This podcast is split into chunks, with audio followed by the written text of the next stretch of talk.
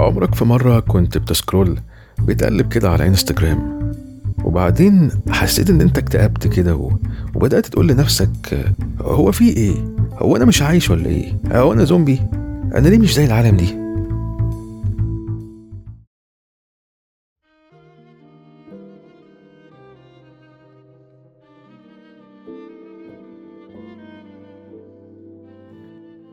السلام عليكم أهلا بيكم في حلقة جديدة من زي توك.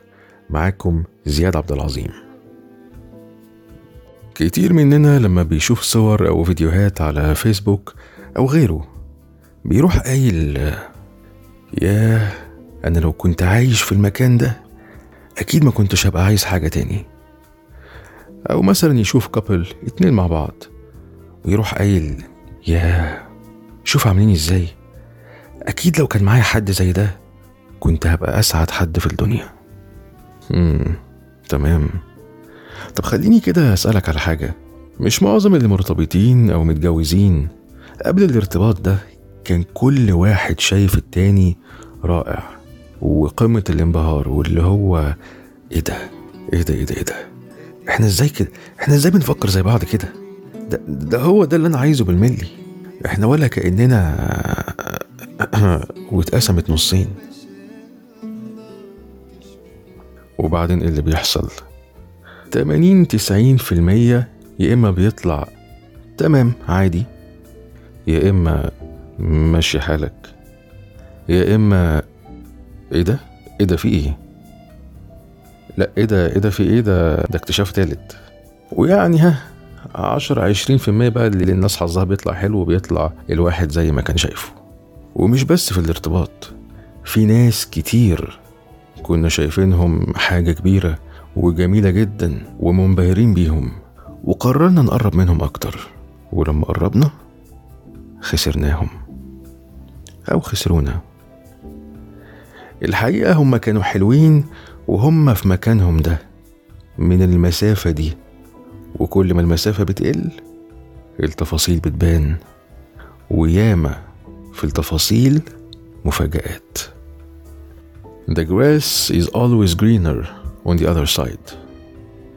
أو زي ما أحمد مراد قعد صياغتها وقال إنه عشب الضفة المقابلة الذي سيبدو دائما وأبدا أكثر إخضرارا طالما لم تطأه قدماك.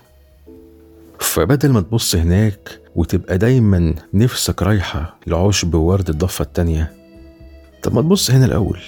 جرب تروي ضفتك اروي أرضك أنت الأول. ركز مع اللي معاك أكتر واديله وقتك.